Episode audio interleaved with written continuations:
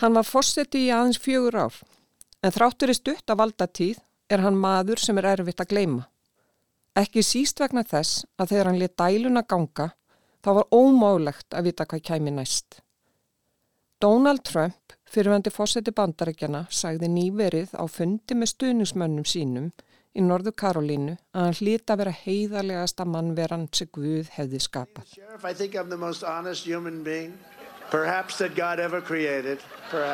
Hvað sem segja má um Trump, þá talaði hann beintin í hjarta stuðnismanna sinna. This is a big crowd. You set an all-time record.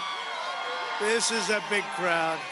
Hello, Texas. It's great to be back in this wonderful, beautiful state with thousands of proud American patriots who believe in family and freedom, God and country, and by the way, oil and guns.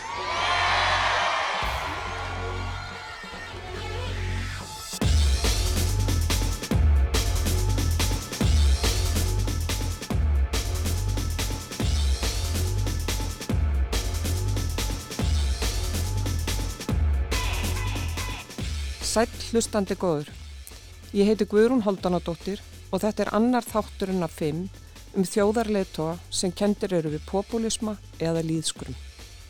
Í fyrsta þættunum var Silvíó Berlusconi þegar við andi fórsættisráð þeirra Ítalíu í sviðsljósinu en nú er komið að Donald Trump en hann er sagður afkvæmi þeirra pólitikur sem Berlusconi stóð fyrir á sínum tíma.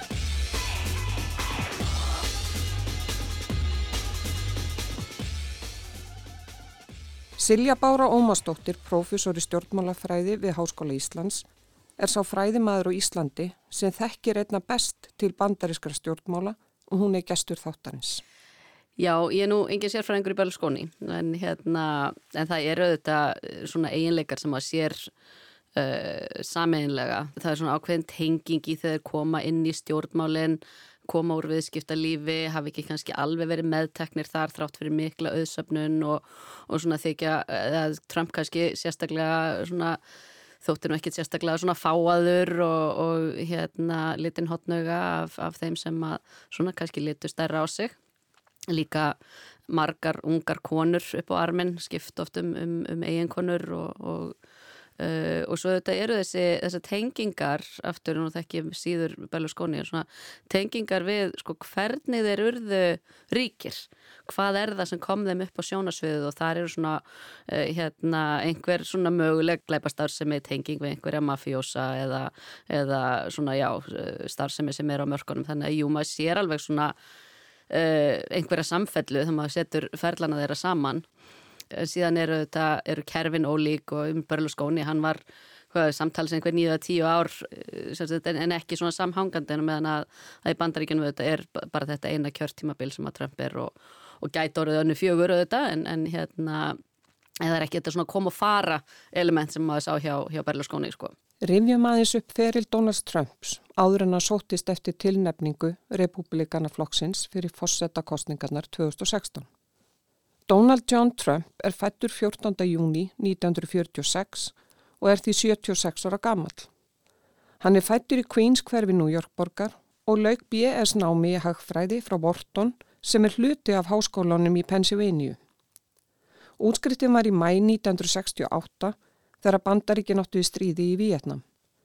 Hann slapp hins vegar við að gegna herþjónustu ólít mörgum ungum bandaríkjamönnum á þessu blómaskeiði hippatímabilsins. Trump hefur útskýrt það með ýmsum hætti hvers vegna fór ekki herin. Til að mynda hann hafi ekki fengið herrkvæningu en það er ekki rétt. Hann fekk svo sannarlega herrkvæningu og var að metin hæfur en fekk henni frestað vegna náms. Þegar námið var lokið fekk hann óttar frá lækni um að hann væri með beinspora sem er svona aukavöxtur á beini og slapp þar með við að þjóna landi sínu á vývellinu.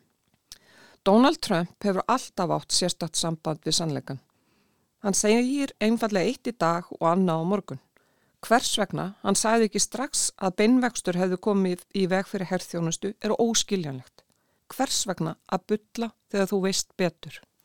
Fljóðlega námi loknu hóma störf hjá fjölskyldu fyrirtækinu. E. Trumps and Son sem föður amma hans Elisabeth Christ Trump stopnaði árið 1927 ásand föðu Trumps, Fred.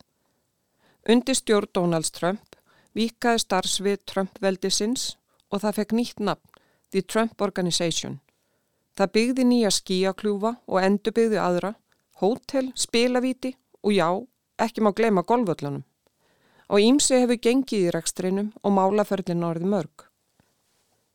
Donald Trump er binditismæður á áfengi og tópak og að sökk þeirra sig þekkja til er ástæðin fyrir því Fíkn Freds, eldri bróður hans, sem drakk sig í hel rúmlega færtugur aldri.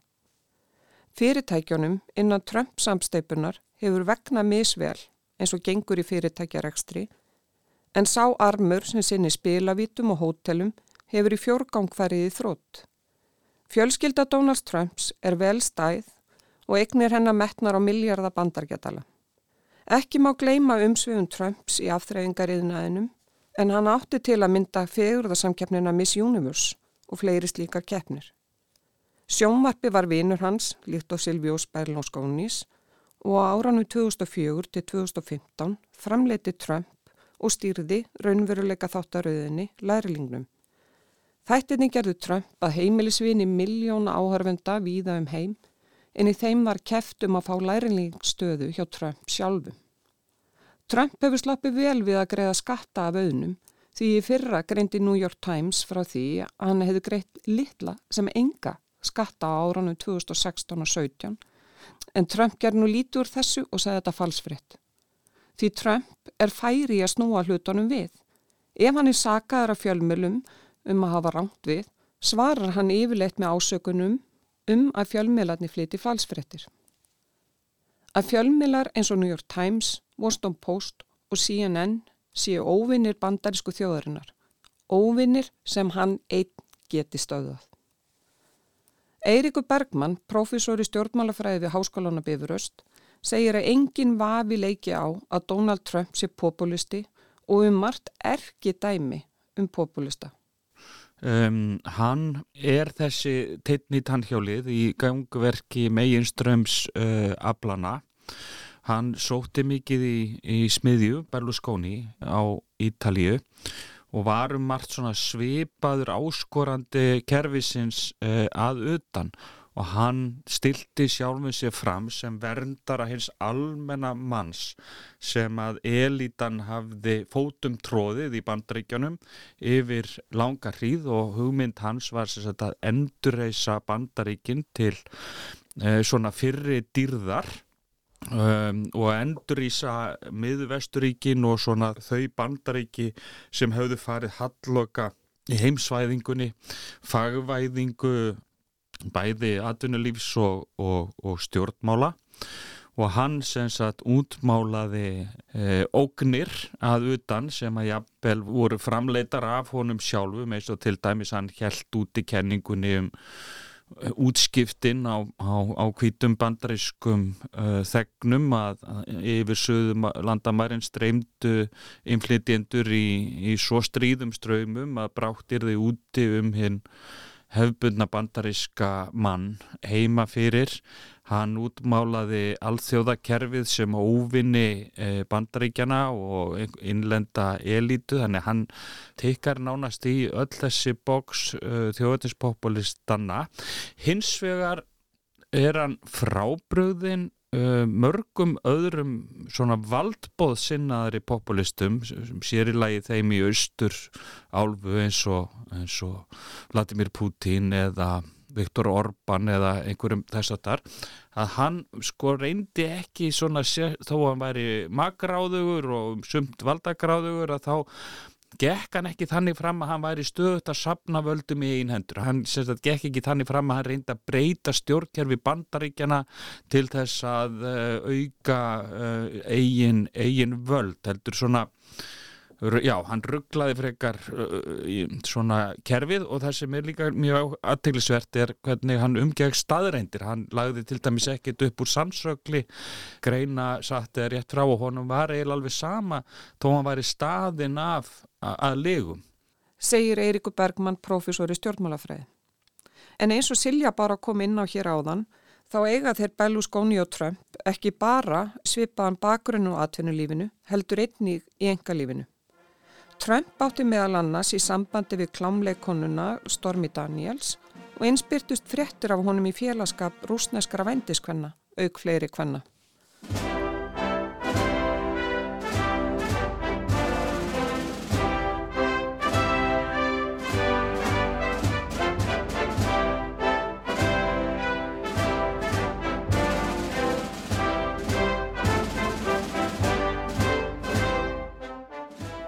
Donald Trump var kjörið fórseti bandaríkjana í nóvember 2016 og settur í ennbætti í janúar 2017.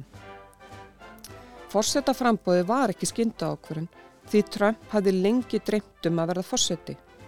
Hann greindi fyrst frá því opiðberlega árið 1987 eða 30 árum áður en draumurum var það veruleika. Well, I don't know. I think I'd win. I tell you what, I wouldn't go in to lose. I've never gone in to lose in my life. And, and if I did decide to do it, I think I'd be inclined, I, I would say that I would have a hell of a chance of winning because I think people, I don't know how your audience feels, but I think people are tired of seeing the United States ripped off. And I can't promise you everything. Hans tími var einfallega ekki komin fyrir en samfélagsmiðlar eruðu alls ráðandi á kostnað hefðbundina fjölmila.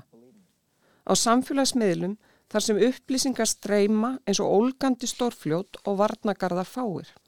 Fullkomnar aðstæður fyrir handan sannleika stjórnmál, post-truth politics, sem Trump hefur nýtt sér til hins ídrasta. Í júni 2015 tilkynnti Trump formlega um að hann hygðist taka þátt í kapplöpunum kvítahúsið fyrir republikana. Trump hafði áður verið félagi demokrataflokknum og eins í umbútaflokki Ross Perot. Sadly,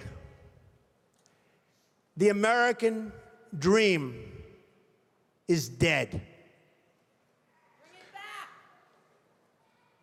But if I get elected president, I will bring it back bigger and better and stronger than ever before, and we will make America great again. Thank you. Thank you very much. Slagur Trumps Make America Great Again var orðið að veruleika og hljómaðum öll bandaríkin. Loforum voru markvísleg því auk þess að heita því að gera bandaríki frábær og ný þá hétt hann að styrkja efnahag landsins, byggja múr á landamærunum við Mexiko og leggja tímabundi bann við að múslimar getur sestaði í landinu. Hafa verður í huga að á þessum tíma kom mikill fjöldi flótafólks frá múslimaríkjum til Evrópu. Þetta var vatn á millu þjóðurnispopulista sem nótverði sér viðkvæma hópa til að vara við utan að komandi óg sem þeim fyldi. Að múslimar ætluðu sér að ná yfiráðum yfir Evrópu og bandaríkunum. Build that wall. Build that wall. Build that wall. Build that wall. Fjölmarki mótmæltu frambóðinu fyrir auðvitað kostningafundi hans og ímislegt var grafið upp um fortið frambjóðandans. Til dæmis kom upp á yfirborði fræg upptaka frá 2005 þar sem Trump talaði verulega niðrandi til hvenna. Og í raun efuðust ímsir flokksbræðu Trumps um hæfi hans til að gegna því vandasama verki að stýra einum valdamesta ríki í heimi. You know, I'm automatically attracted to beautiful. I just start kissing them. It's like a magnet. You just kiss. I don't even wait. And when you're a star, they let you do it. You can do anything. Whatever you want. Grab them by the pussy. I can do anything. Pull the hell. Í kostningabaráttunni staðsetti Trump sig meðal utakarsmann í stjórnmálum en það er þekkt herrkjanska þeirra sem ekki tilheyra hefðbötnu litrófi stjórnmálana. Þetta fjall vel í kramið á íhaldsömustu kjósendunum, ekki síst þeim sem fylgdu tepúshreyfingunni á máli. Grasróta samtökum meða þeirra sem eru lengst til hægri í republikanafloknum. Hreyfingin hafði ekki áður átt fósetta frambjóðanda, aðeins var að fósetta efnið Söru Peilin. Og það gekk á ímsu í kostningabaráttunni enda Trump þekktur fyrir allt annað en að halda sér til hljés og hugsa áður en hann tjáu sig. Twitter var hans helsti vývöllur, rasismi, karlremba og róburður var hans tungutak og svo sannarlega voru ekki allir sáttir. Blaðamenn áttu í fullu fangi við að sanna eða afsanna fulleringar svo komið fram í málflutningi frambjóðundans.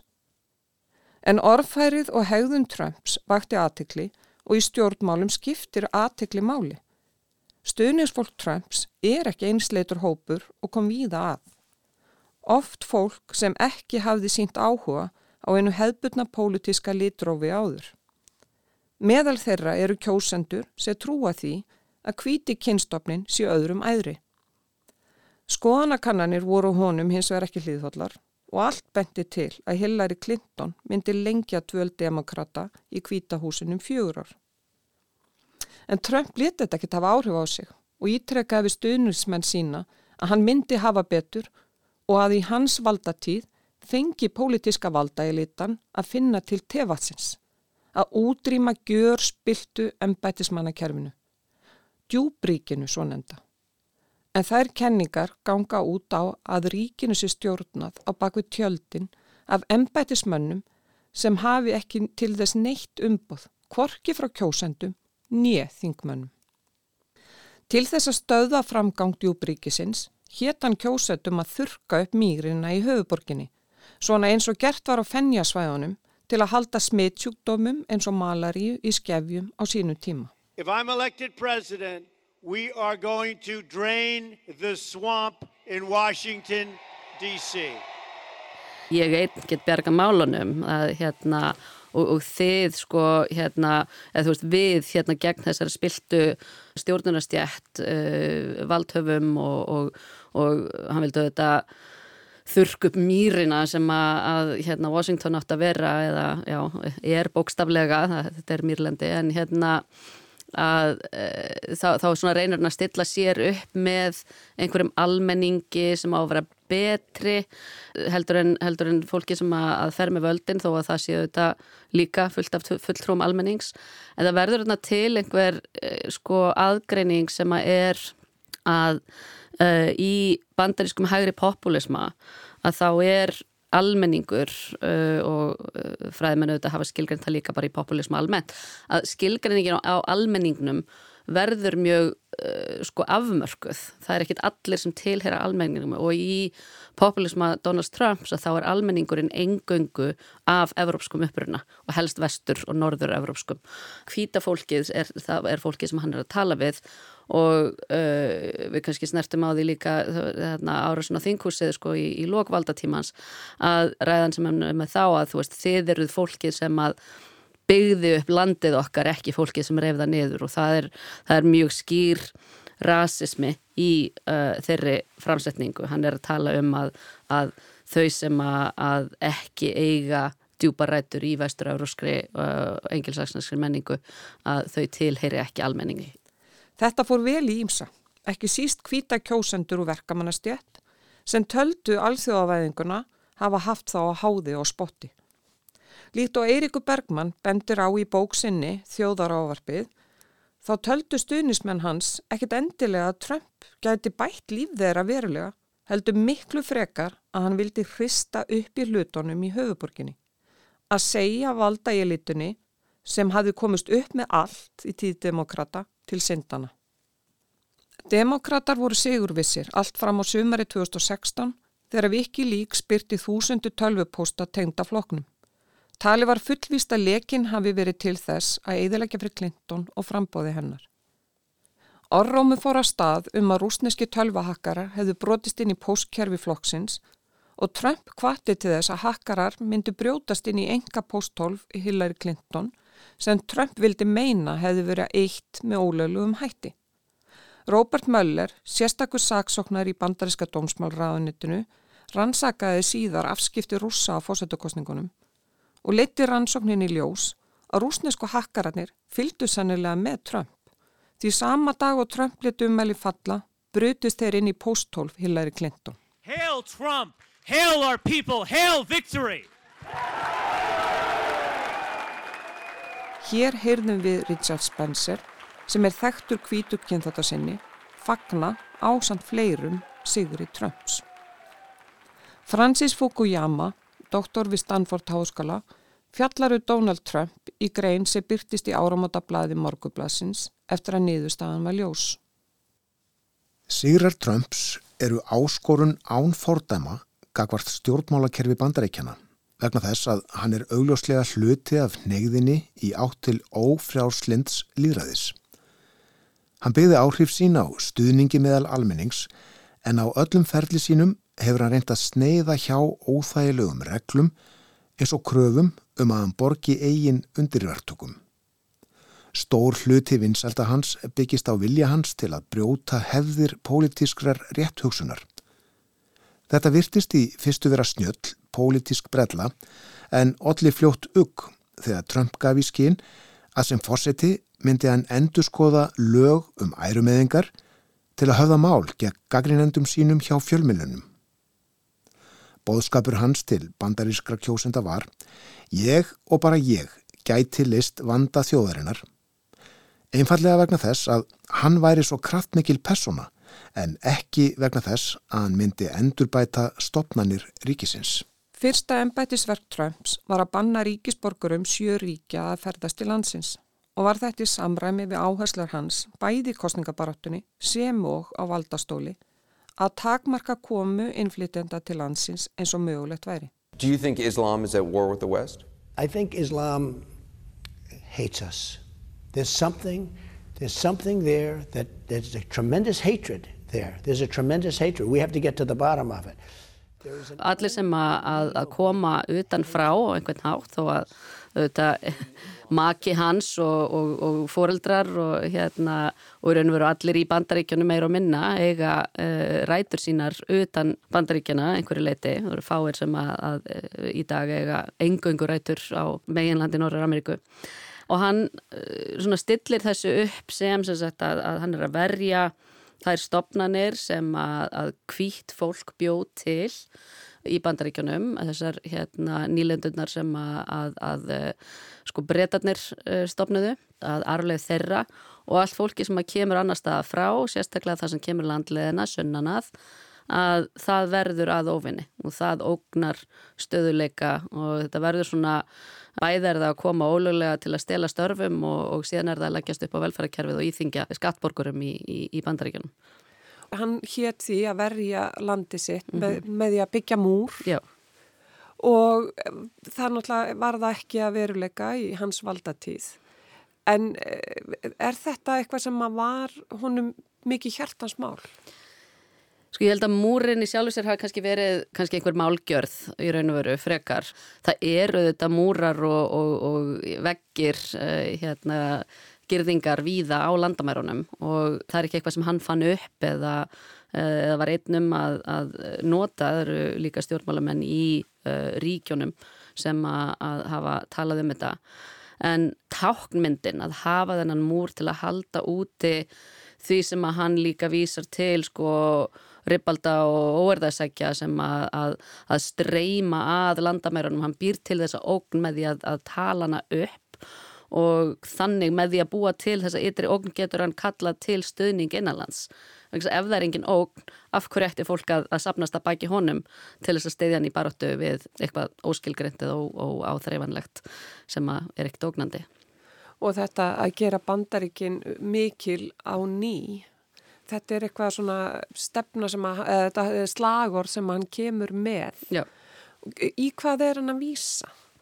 meðal annars er, er náttúrulega málflutningur svona eins og Lindberg á sínum tíma sem náttúrulega var bendlað við, við nazisma og hérna að, að, að svona kalla aftur á einhverja mynda fornafræð þar sem að lang flestir fræðimenn og, og hérna, minnskilningur þar á meðal er að hann er að vísa í bandaríkin eins og þau voru þegar að hvitt fólk var yfirskipað uh, fólki af öðrum uppruna.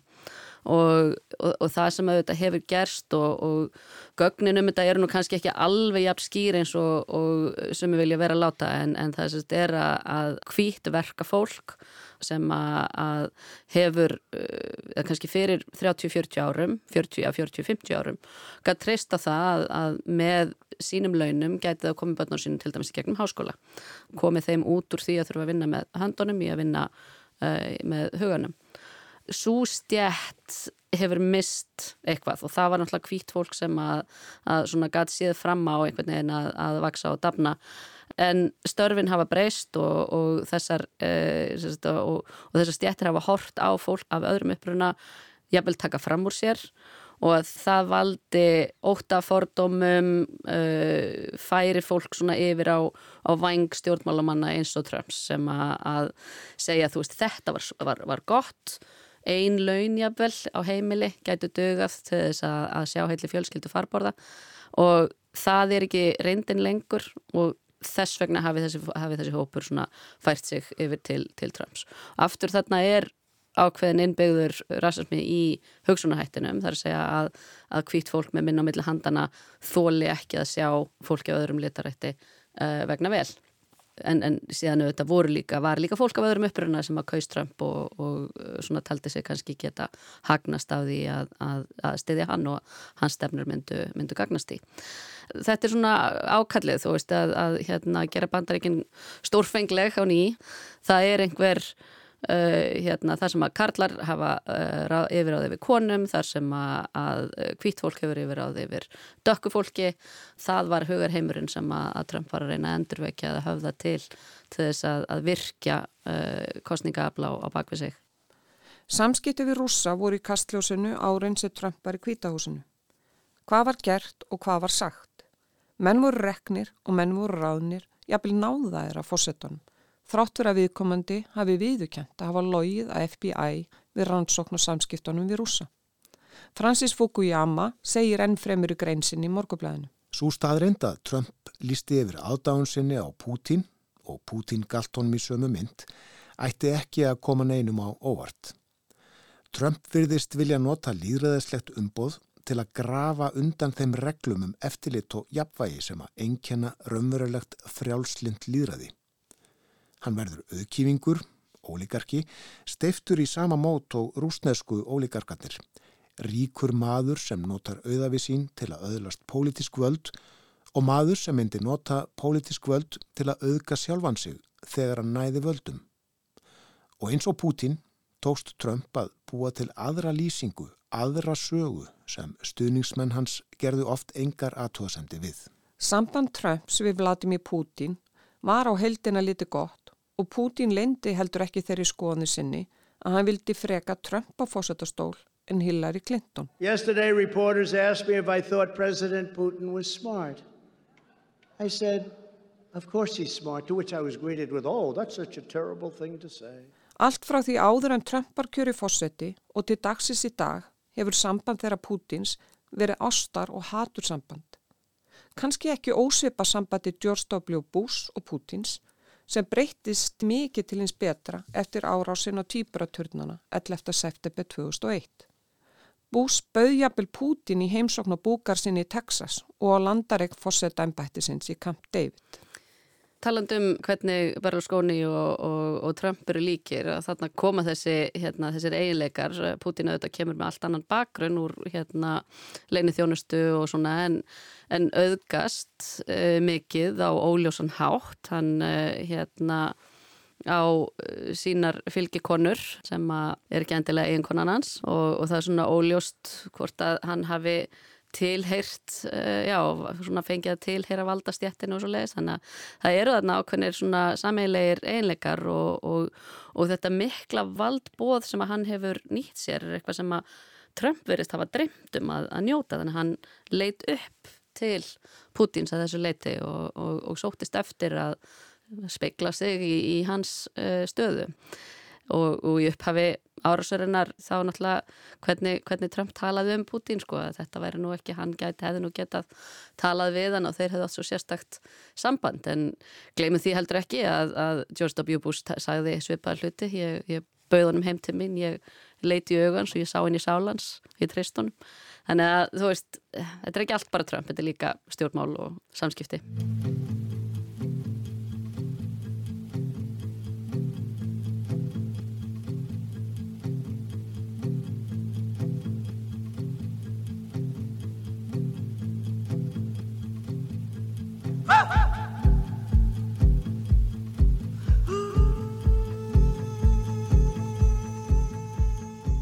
Eitt af því sem breytist mikið í fósatatíð Trumps voru lofslagsáherslu landsins. Fljótlega eftir hann tók við ennbættinu skrifaði hann undir fósatatilskipun sem gekk gegn ákverðinu forvera hans í ennbætti í lofslagsmálum og eins dró hann bandrikinn út úr Parísasankomuleginu. Trump nýtti hvert tækifæri sem gafst til að nýða skóin af Gretu Tjúnberg og baráttu hennar fyrir umhverfinu. Þegar hún var valið manneski ásins að tæm tímaritinu Þá gata hann ekki setja á sér og sagði valið út í hött. Hún var í engverfur úlingur sem þyrti að vinna á reyði vandamálum sínum. Það að Trump gerir lítið úr fólki og afvega leiði umræðina um leið er vel þekkt. Hann uppnefnir anstæðinga sína og beinir umræðin á brautir sem henda honum betur. How, how, old, how old is she? She's uh, 17 now. Oh. Yes. That's good. But what is your response to She beat me out on Time Magazine. But did you hear from wor- other world leaders? Eirikur Bergmann segir eitt sérkenni populískrar orðræðu, felast í leikrannu tilþrifum og í að vera vísvitandi, augrandi til að ná aðtikli og hvetja til öfgavæðingar. While the extreme left has been wasting America's time, we've been killing terrorists, creating jobs, raising wages, enacting fair trade deals. Annað enginni populistans er að kvarta undan yllri meðferð vegna pólitísks réttrúnaðar hinna almennu valdhafa í stjórnmálum, fræðarsamfélaginu og fjölmjölum.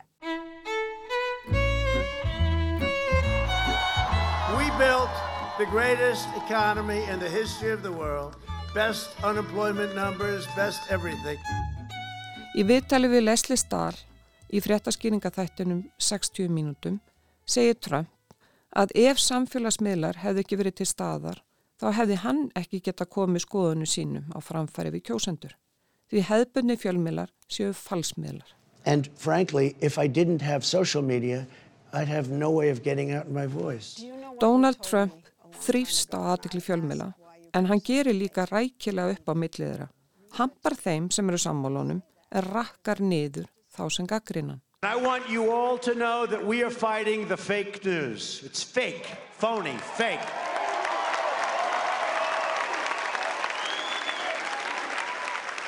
A few days ago, I called the fake news the enemy of the people, and they are. They are the enemy of the people. Twitter og Fox voru miðla Trumps og hann nýtti sér þá báða. Forsetin hikaði til að mynda ekki við að ringja inn í ímsa þætt á Fox og segja óum beðin skoðum sín á hennum ímsu málum. If you look at al-Baghdadi, he was the founder of ISIS. We took him out. Nobody could find him for 15 years. Far bigger than Osama bin Laden. Far bigger. Og hann gerir þetta enn þann dag í dag. Your reaction to Putin's threat if uh, any Western nation or any nation intervenes with this Russian military action? Well, this is something that should have never happened. This would not have happened during my administration. In fact, some people were saying, why didn't this take, play, take place uh, over the last four years during our administration? And it didn't for a very good reason, and I'll explain that to you someday. But it wouldn't have... Ef fjölmjölafólk stendur ekki og situr eins og hann vill, þá á það á hættu að vera útilokað eða því hallmælt af Trump. Sannleikurum er raukatriði og sí endur tekið stef fyrir að hljóma eins og sannleikur. You don't have to ask me. Why not? Because I have my own opinions. You can have your own opinions. But I want to know your opinions. You're the president of the United States. It's enough. Thank you. Thank you very much. Þetta er auðvitað svolítið sérstakt að hérna, hvernig sko, valdamesti maður í bandaríkjunum og, og eitthvað svo allar valdamesti í heiminum geti valið hverjir fá að flytja fréttir af hannum. Útilokun á tilteknum fjölmiðlum, aðgengi annara sem að, að síðan auðvitað verða í raun og veru bara málpípur fyrir hann. En það er líka hluti af populismanum er þetta að uh, tala ekki bara máli fólksins heldur tala mál fólksins uh, almennings og uh, greiningar á orðræðu Trumps og þetta sínt að hann talar hérna, mjög einfalt mála mörguleiti en að tala líka óformlegt þar að segja að þú getur tekið setningu svona eins og ég er að tala núna sem að byrjar einhver staðar og endar á, á, hérna, á, á allt, allt öðrum stað og, og það er ekki eðlileg uppbyggingi henni. Mjög fáir stjórnmálum en þessu stíði myndu tala svona óformlega, myndu vera með, með skrifaðri ræður og, og betur útfærðapunta og svona. En þetta er eitthvað sem að, að fólk tengir við, hann segir ekki absolutely devastating, hann segir very devastating. Orðin hafa færri atkvæði og, og svona. Og þetta er auðvitað alltaf með því að stitta og einfalda, það virkar mjög vel á til dæmis Twitter. Og hafðir bara 70 slög og nei, hérna 140 og svo aður 280 og en að koma hugmynduðinu fram í mjög stuttumáli og mikil dreifingu og fleiri snertingar hérna, þetta er auðvitað eitthvað sem að hendaði honum rosalega vel. Og samfélagsmiðlunum síðan eitt og síðan er að, að eins og þegar hann er að ringja, þegar fórsetin er bara að ringja inn í sjómastætti, þetta var líka eitthvað sem að fólk tengdi ekkit við. Það var byrtast fræðigrein bara núna fyrir á þessu ári uh, hérna, sem að, að hafi gert tilraun til þess að það sem að fólk sem að horfi á Fox News, það er ekki ljóst, ég að tala um Fox News með innringingarnar og svona, fólk sem að horfi reglu á Fox News að þeim var gefin kvati til þess að horfa á aðra, aðra sjómasrásir, aðrar kapalarásir í bandaríkjunum. Þannig að þau gáttu fengið svona einhver smá penningar en, en, en fjárhagslur kvati og síðan var mælt skoðan, skoðanir fólks til ákveðna mála. Og eftir að fólk horfið á eitthvað annað en Fox News að þá svona settið meiri fyrirvara við málflutning Trumps. Kannski var ekki hægt af kjósan en, en það svona að segja, hm, þetta var nú kannski ekki hann hafði nú kannski ekki rétt þess að gera þetta, þetta var kannski vafasum ákvarðun og svona, hérna, þannig að, að hversu, hversu gríðarlegt að valda þessir fjölmilar hafa þegar velja að vera einhliða í sínum málflutningi og ekki uh, hérna, taka hlutlega afstöðu með starrendunum heldur að uh, huglega afstöðu með annarkort einstaklingi eða, eða stjórnmálaafli. Sannleikurum verður aukaðatrið og sí endur tekið stef að hljóma eins og sannleikur. En þetta er eitthvað sem að hann auðvitað hefur notað mjög mikið og, og, hérna, og þetta er eitthvað sem grýpur. Þannig að, að þó að það sé ránt að þetta er svona, þetta er skýrt og afgerandi að þá verða hughrifin þannig að þú verður svona, býtu, hef ég ekki hirt þetta á þér? Sæði ekki einhver að, að Hillary væri liðalöpur og að því að þú, þú ert með bara Lion Hillary, þú veist að þú heyrir það aftur og aftur að bara, já, býtu, hefur hún ekki logið, hefur hún ekki alltaf verið að ljúa? Að, þá, þá það verður svo auðvelt að einhvern veginn láta fólk spyrja sig í, í kjölfarið að hérna, þá, og þá líka býran til svona auðveldan, hérna, auðveldan óvinn einhvern sem er bara mjög þægilegt að benda á að segja sko þetta er þessi er okkar vandamál og ef við losum okkur við þennan einstakling þá verður þetta einfaldar eftir að komast við áfram. Þetta er ekki eitthvað sem aðeins einnkendi orðaðu Trumps í kostningabarátunni 2016 heldur allar götur síðan. Washington Post fyldist grant með staðhæfingum Trumps í ennbætti og daginn eftir að Joe Biden sór ennbætti segið í janúar 2021 byrti blaði tölur yfir rángar eða mísvísandi fulleringa Trumps í ennbætti. Ummælin eru yfir 30.000 talsins en einn dagur sker sig úr á þessu sviði en það var dagurum fyrir fórsetakostningarna 2020 þegar Trump lauti lægra haldi gegn Joe Biden. Þá laug Trump yfir 500 sinnum og einum sólaring. Mikla breytingar urðu á utarkismálu bandarkjana í valdætti Trumps og það sem margi stjórnmálaskýrendu segja er að auðvitað ekki stefna hans hafi verið afar ófyrirsjáanleg. Að sögna ennbættismanna vissu þeirra aldrei fyrir vissu hvað hann myndi láta út úr sér, hvort sem það var í samtölum við aðra þjóðuletuða, við fjölmila eða á Twitter. Eitt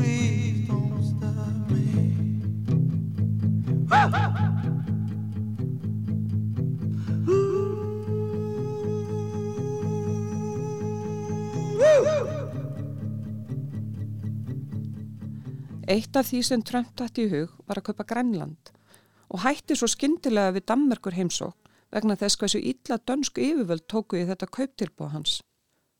Gárungarni gerði að vísu grína þráheikju fósettanskakvar Dammerku því hann vísaði ítrekka til Dammerkur þegar hann talaði um innlendmálefni og hvernig Danir gerði hlutina á meðan hann var að reyna að koma sínum hugaræfnum að, ekki síst í málefnum innflytjanda og flótafólks. Denmark Denmark. Denmark. Denmark. Denmark. Denmark. Denmark. Denmark. Samskipti við Kína í fórsættatíð Trumps voru erfið og snerust að mestu um viðskipti ríkjana sína á milli. Trump let ekki viðskiptastri næja, heldur sakaðan kínverja um að bera ábyrða COVID-19. Veiran hafi verið búin til í rannsóknastofi í Wuhan.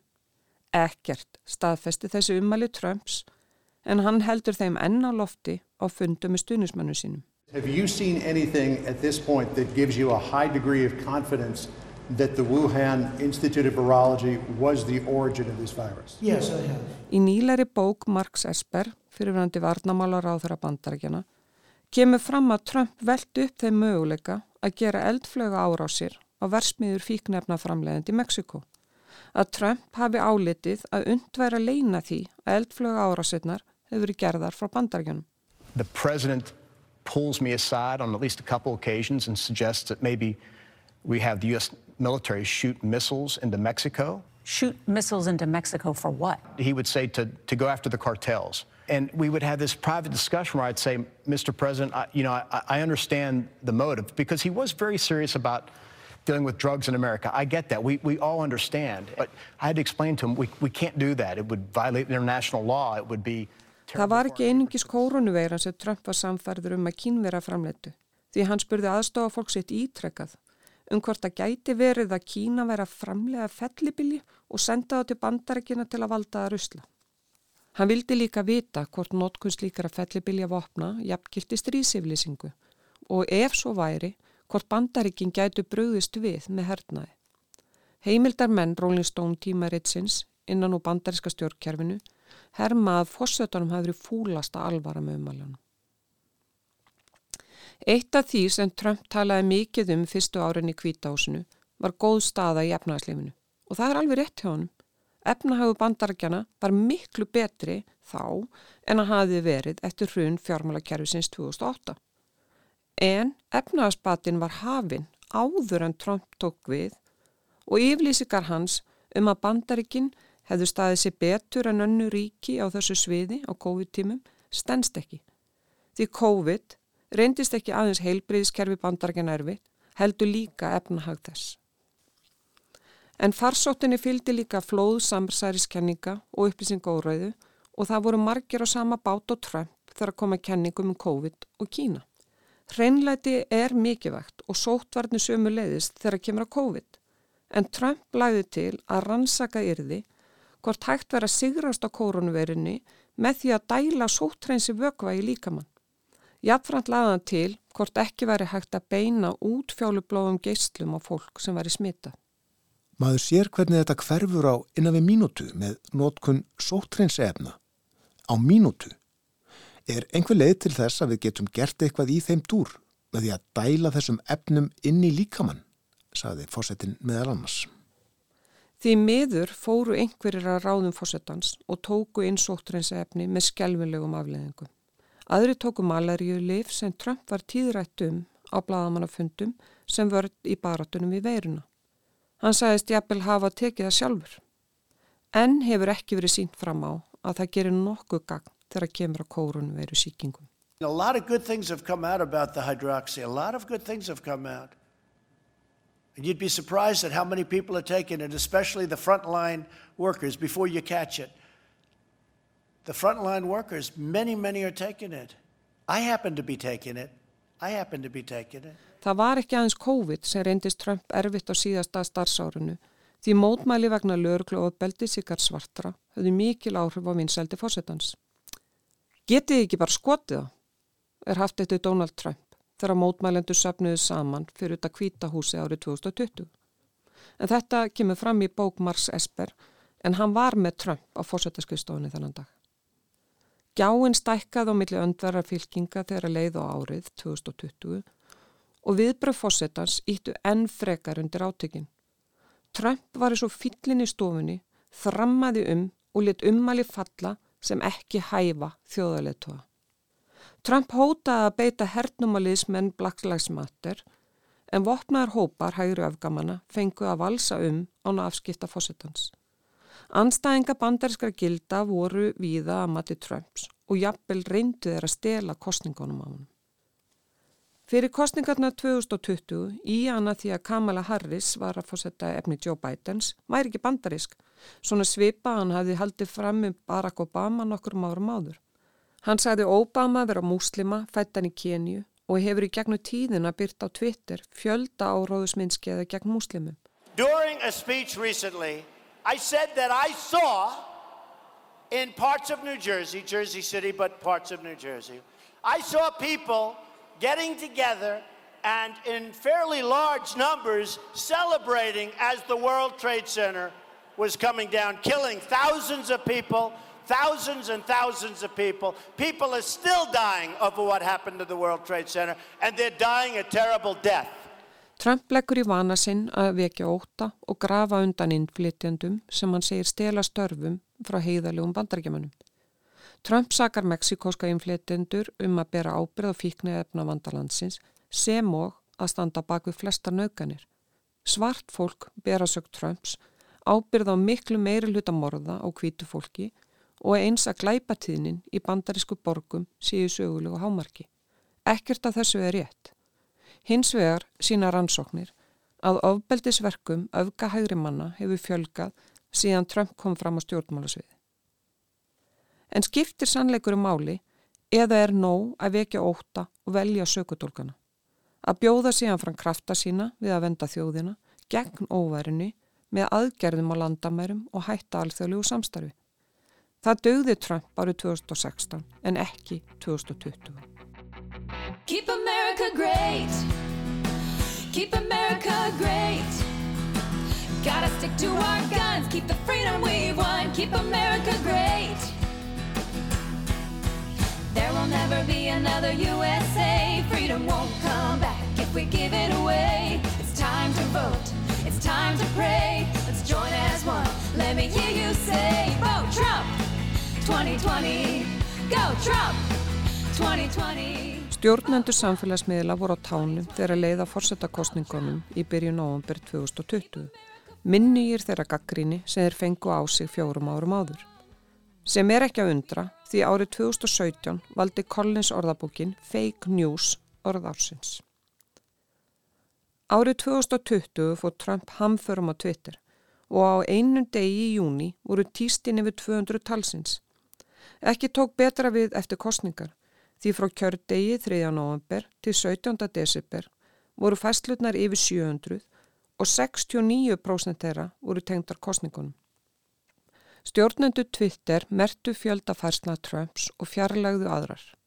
Að lokum var hann út til okkara miðlinum sem og fleiri samfélagsmiðlum.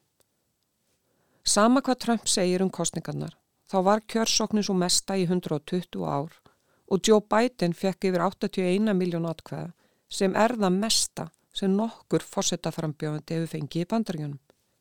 Trump fekk 74 miljónir atkvæða og 232 kjörmenn á móti 306 kjörmennum Bidens. Fjölmörg dómsmál voru höfðuð og reyndu stuðnismenn Trumps að fá niðurstönin hnegt á nárangus.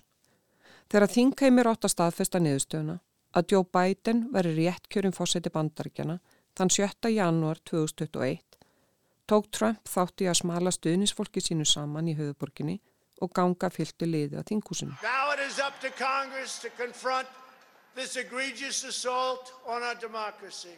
And after this, we're going to walk down, and I'll be there with you, we're going to walk down to the Capitol And we're going to cheer on our brave senators and congressmen and women. Við þekkjum framhaldið og fulltrúa del bandarækja þings samþitt í kjölfarið að ákjara Trump fyrir ennbætisklöpi starfi með því að hveta til óeirða. Var Trump þar með fyrsti fórseti bandarækjana til að vera tvívegis ákjærður fyrir ennbætisklöp. Í fyrra skipti var það fyrir afskipta máli tengdu síni Joe Bidens í Ukrænu En Trump var sagaður um að hafa þrýst á volóti Mír Selenski, fórsetta Úkrænu, að hefja rannsókn á Hunter Biden sem stýrði fyrirtæki þær í landi. Trump var síknaður í bæðiskiptin. But just remember this, you're stronger, you're smarter, you've got more going than anybody, and they try and demean everybody having to do with us, and you're the real people, you're the people that built this nation. You're not the Sangvat niðurstöðu nefnda bandarkja þings sem rannsakaði árásin á þingúsið leikur engi vafi á Donald Trump hafi verið helsti og mikið vegasti kvatamaður árásinnar. Hann hafi tendra bálið sem til hennar leti. Stjórnunastýr Donald Trumps er ólíkur öllu því sem bandariska þjóðin hefur átt að venjast að fórseta. Það á til dæmis við um hvernig hann hefur beitt sér í samskiptum með embætismenn og stopnæni stjórnkerfinsins. Í krafti ennbætti síns reðst hann personunlega á anstæðinga sína aftur og aftur og bölvaði og laug ítrekkað á hans að blikna. Hann ásið trygga stuðnismenn en er það nót til þess að verða aftur fyrir valinu sem forsetta frambjóðandi republikanaflokksins.